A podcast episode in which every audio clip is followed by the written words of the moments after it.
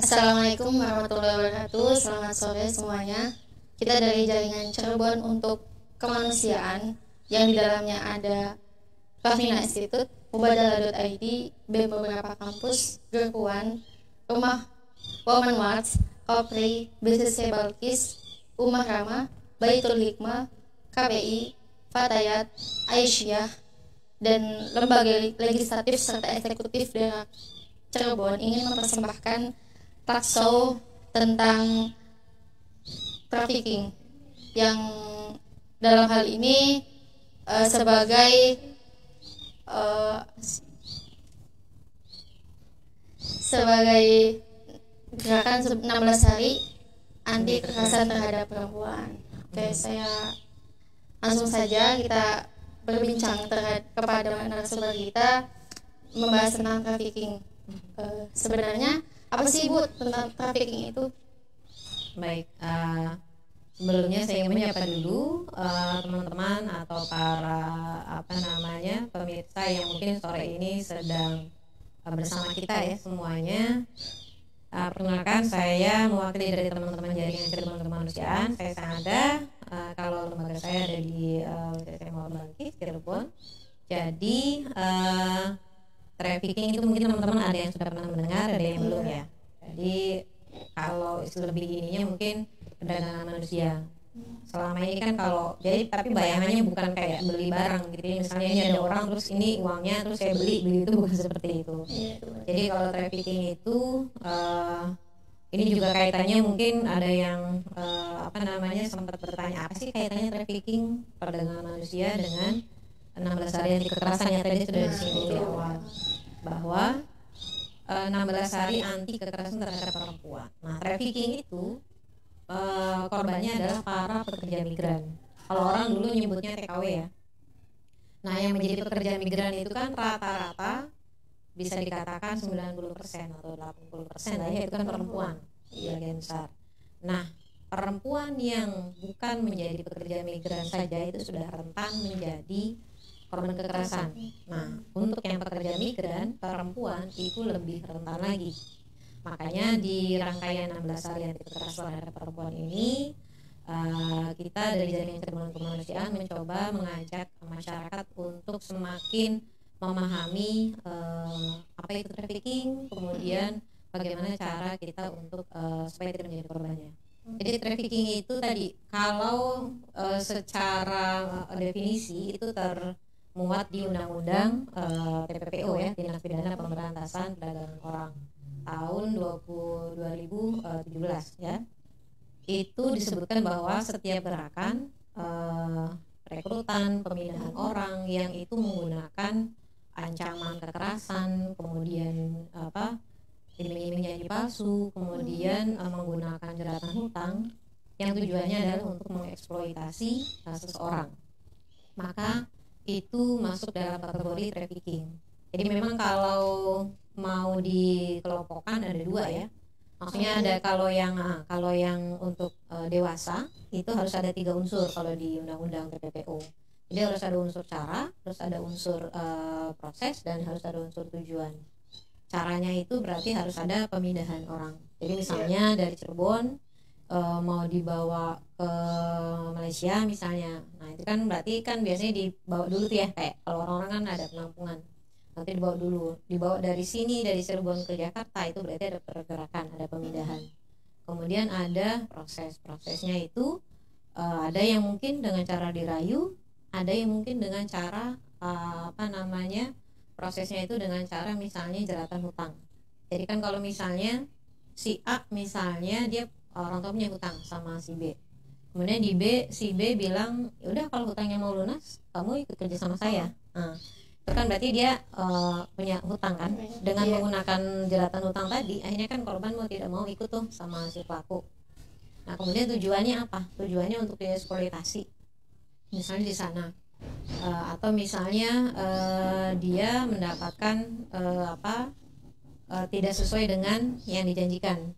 Misalnya dijanjikannya jadi pekerja rumah tangga, ternyata di negara tujuan dijadikan pekerja seks. Nah itu juga uh, masuk dalam eksploitasi. Jadi kalau ada tiga unsur tadi ada cara ada ada proses kemudian ada tujuan maka itu masuk dalam uh, apa namanya? Trafficking. Kalau itu dewasa. Tapi kalau itu anak-anak hanya dua unsur aja itu sudah memenuhi uh, apa namanya? Uh, kriteria trafficking.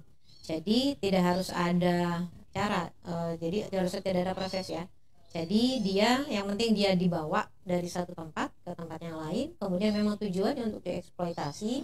Tanpa dia harus uh, dipaksa pun kalau anak kan biasanya nurut aja ya. Iya. nah itu sudah masuk dalam kategori trafficking.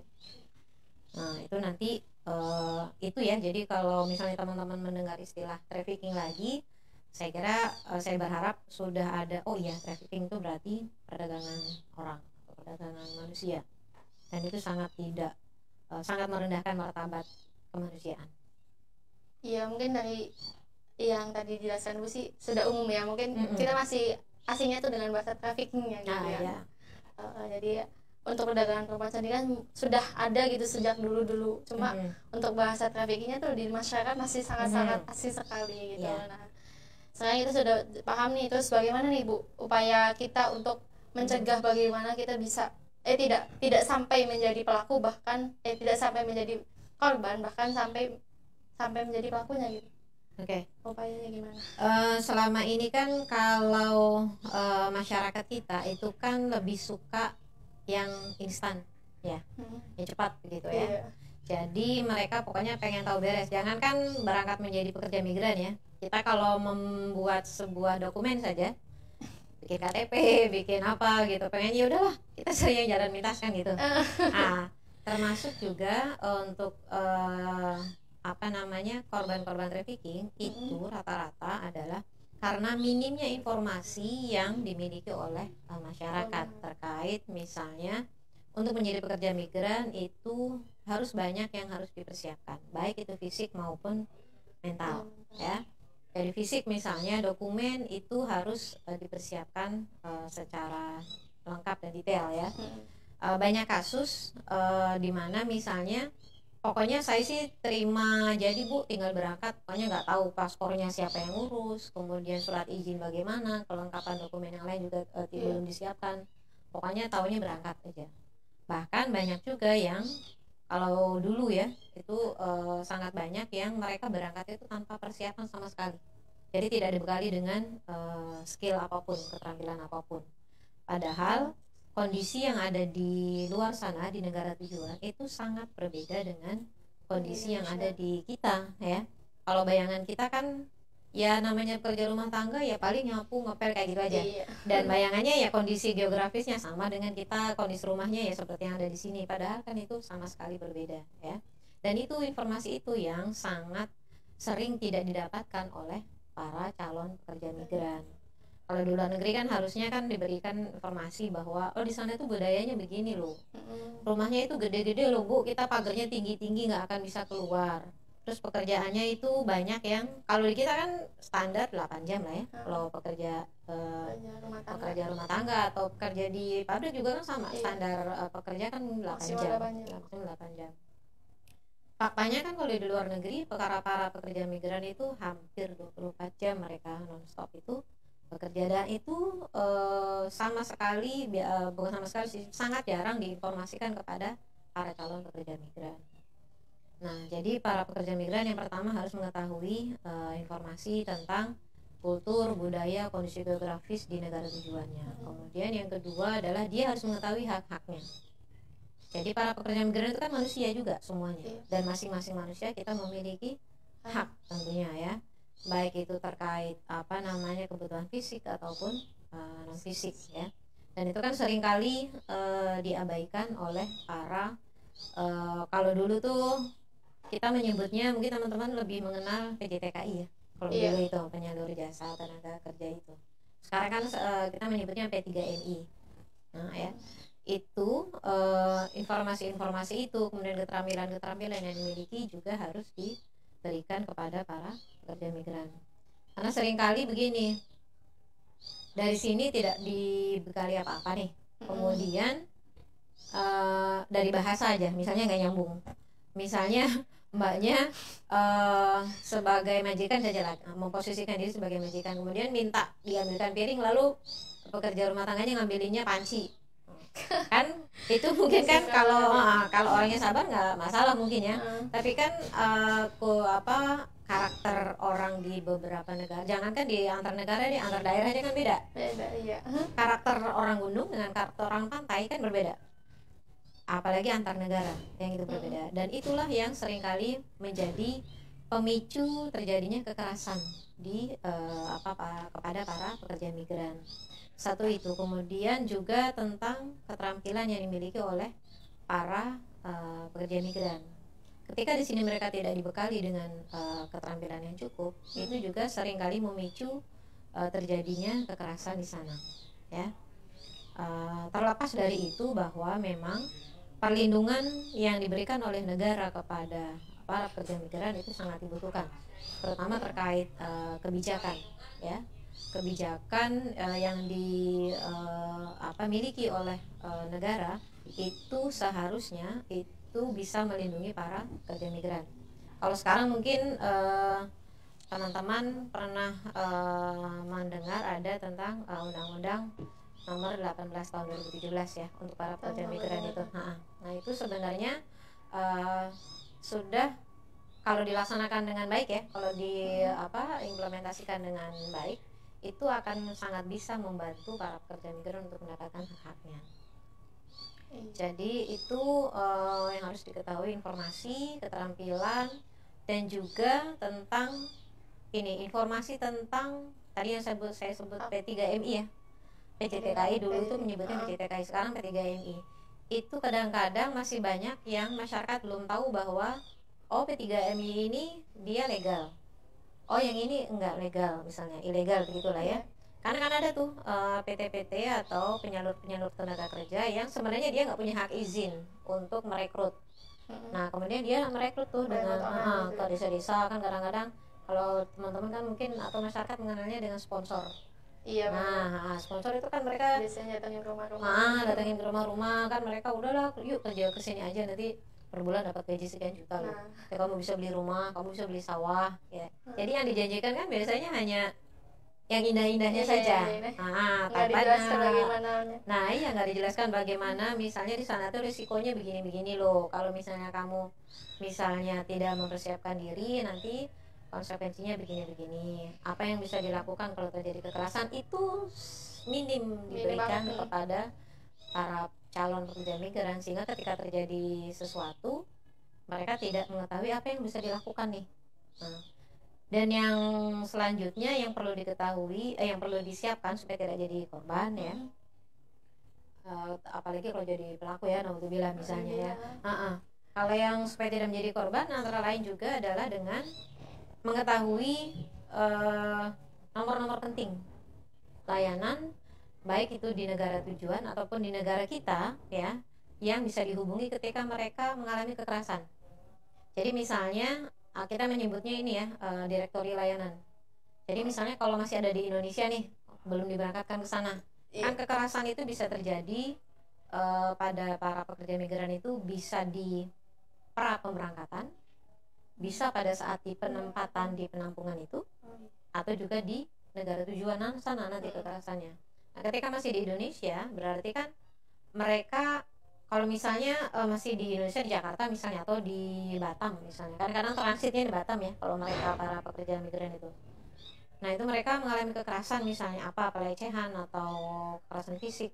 Nah, itu mereka harus tahu kontak mana yang bisa mereka hubungi supaya mereka bisa uh, dibantu keluar dari kekerasan itu. Atau kalau di luar negeri misalnya sudah di di negara penempatan, lalu mereka mengalami kekerasan. Dan kita juga bayangannya jangan kayak di Indonesia ya tinggal ya tinggal telepon aja sih.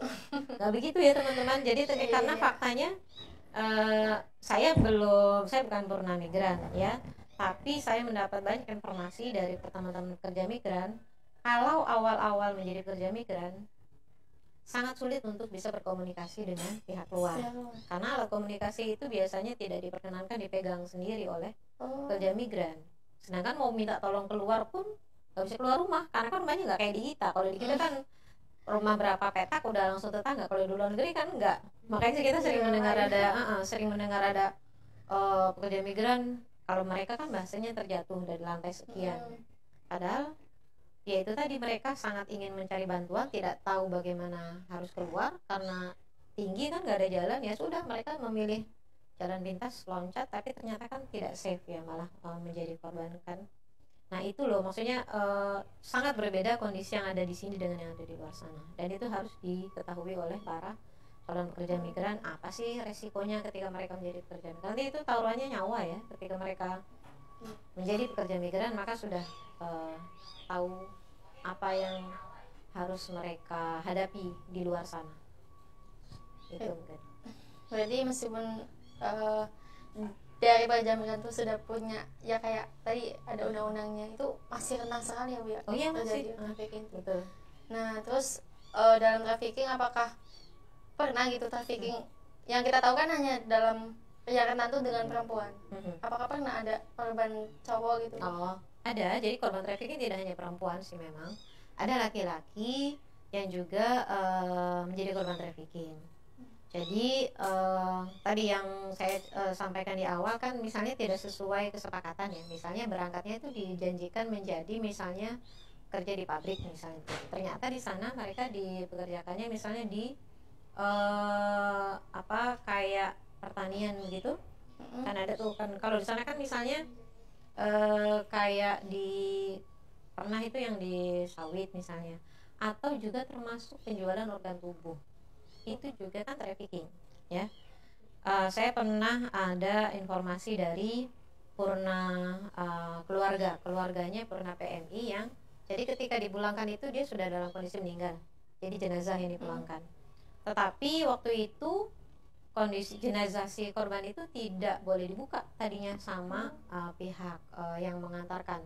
Alasannya oh ini sudah sudah dimandikan sudah tinggal dikuburkan saja. Tapi ada yang sempat dari anggota keluarganya itu memaksa untuk membuka. Dan itu ada banyak apa namanya kayak Hmm, jahitan iya. gitu Hmm. uh, di anggota tubuhnya. Uh, kita nggak tahu ya yang terjadi. Kan ginjal kemudian mungkin apa anggota tubuh yang lain yang masih bisa berfungsi dengan baik. Mm-mm. Itu kan kalau di luar negeri juga menjadi sesuatu yang ya bisa diperjualbelikan. Makanya trafficking juga di dalamnya termasuk adalah ketika ada hmm, jual beli organ tubuh. Itu juga masuk.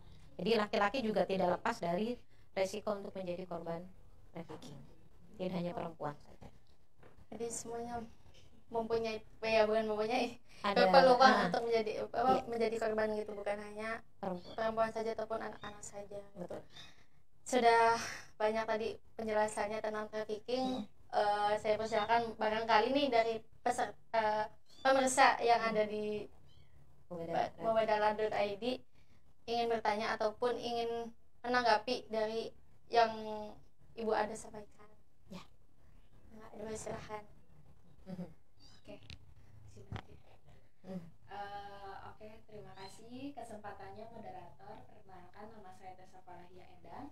Eh, di sini saya izin bertanya, Mbak. Ya, Eh, kan isu human trafficking ini kan bagian dari glo- globalisasi juga ya, Mbak, Ya. yang mana menjadi isu kontemporer yang di mana eh, kenapa adanya ini, kenapa ada isu ini itu mungkin ke- dengan kebanyakannya manusia yang dalam segi ekonomi itu minim gitu ya, Mbak Ya. yang mana ia akan mempertaruhkan nyawanya untuk mendapatkan apa yang ia mau ya eh, dalam segi apa ya bisa dikatakan dengan uang lah istilahnya Ya, uang finansial. gitu.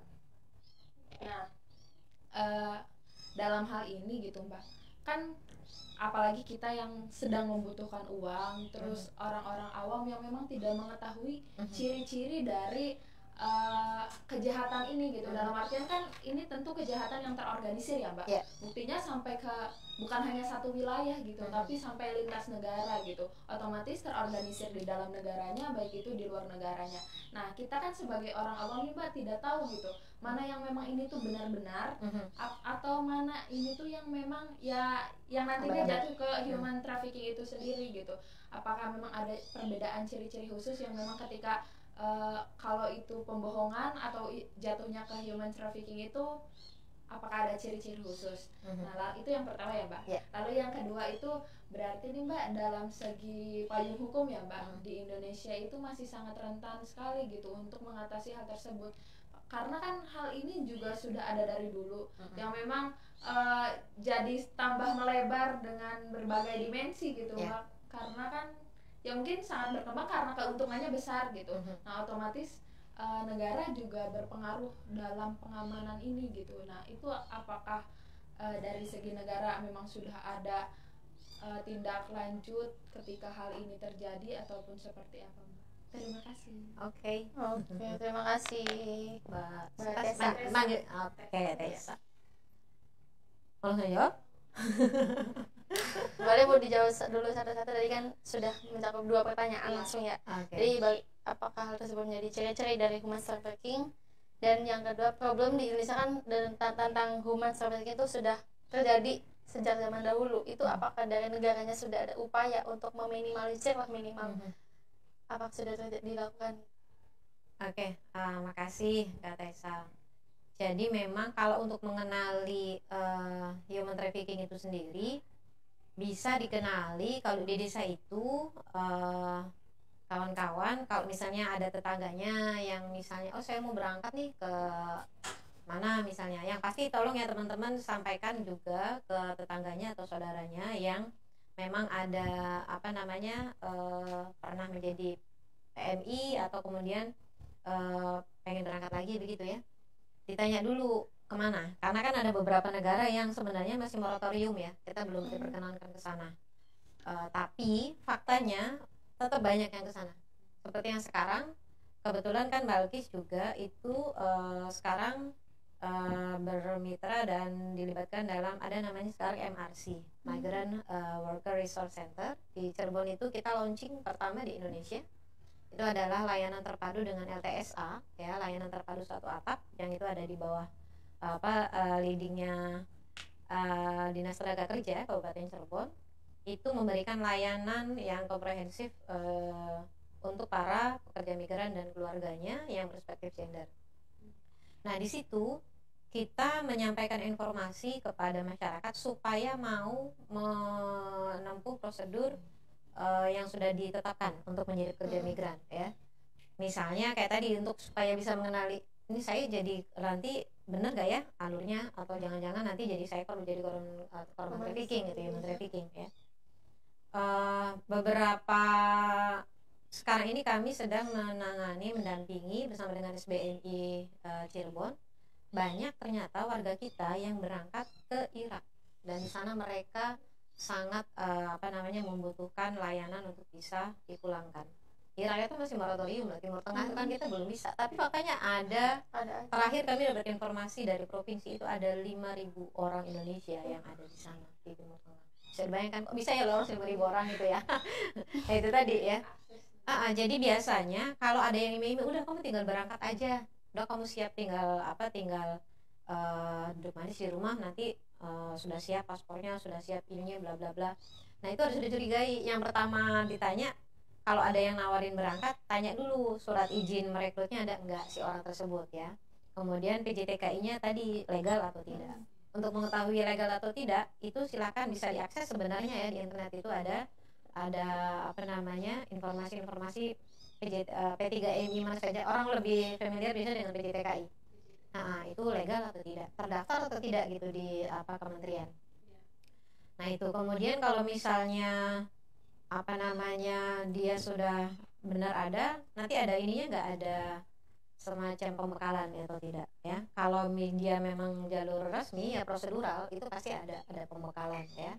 Meskipun sebenarnya terus terang menurut kami pembekalan yang diberikan juga masih sangat kurang karena kebutuhan informasi tadi yang saya sampaikan itu sangat eh, banyak ya supaya nanti ketika pekerja migran berangkat itu dia sudah skillnya udah siap, psikisnya juga udah siap ya. Eh, sebagai catatan eh, kawan-kawan masih banyak pekerja migran yang berangkat menjadi pekerja migran itu. Secara psikis mereka belum siap, belum clear. Kalau bahasa di kita belum clear ya. Jadi dia korban perkosaan, dia korban KDRT di sini dia masih belum bersih begitu ya. Masih masih di sini masih ngawang gitu. Lalu ya sudah saya berangkat aja. Jadi kayak semacam pelarian diri.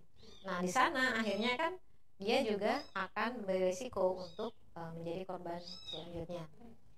Itu atau juga ketika ada jeratan hutang udah kamu nanti saya kasih uang dulu di keluargamu kamu yang penting berangkat. Nanti tinggal potong gaji. Nah itu tuh juga sebenarnya sudah masuk dalam indikasi menjadi korban human trafficking juga. Jadi makanya hati-hati juga. Kemudian yang selanjutnya tadi uh, upaya negara ya. Ini harusnya menjawab dari pemerintah. Tapi saya coba ya. Tapi saya coba maksudnya menyampaikan apa yang ada selama ini ya kalau dulu itu kan kita masih uh, payung hukum yang dipegang itu baru undang-undang PTPPO yang tadi saya bilang ya nomor 17 tahun 2000 eh nomor 21 tahun 2017 itu uh, nah saat ini kita sudah punya undang-undang uh, 18 tahun 2017 sebenarnya sekali lagi undang-undang itu akan sangat membantu uh, upaya perlindungan pekerja migran kalau itu diimplementasikan dengan baik dan benar uh, oleh semua pihak. Nah, tetapi kan faktanya masih banyak yang belum bisa menjalankan itu uh, secara maksimal dan juga ter, sinergitasnya antara satu pihak dengan pihak yang lain, ya. Karena tadi uh, kalau tadi sempat disinggung kan banyak pihak yang mencoba mengambil keuntungan pribadi, uh, karena itu sudah jelas itu sindikat internasional ya. Kita akan sangat sulit memutus mata rantai karena ketika yang sini dipangkas pihak lain yang merasa dirugikan itu akan dengan cepat untuk me, apa namanya menyambungkannya kembali jadi memang butuh sinergitas dari banyak pihak.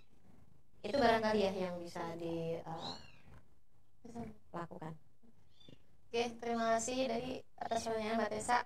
Sudah dicukupkan. Ya sangat-sangat dijabarkan sekali tadi oleh mbak Ada. Jawabannya juga karena kita terbatas oleh waktu Mm-hmm. Langsung saja saya menyimpulkan bahwasanya uh, human trafficking itu berkaitan dengan perjualan atau perdagangan manusia yang itu terjadi bukan hanya pada perempuan saja namun bisa terjadi bahkan pada anak-anak di mana itu sangat rentan terjadi pada orang-orang yang menjadi tenaga kerja di luar negeri begitu. Sudah sekian dari saya. Mohon maaf uh, bila ada yang tidak berkenan Wabillahi taufiq wal. Wassalamualaikum warahmatullahi wabarakatuh. Waalaikumsalam warahmatullahi wabarakatuh.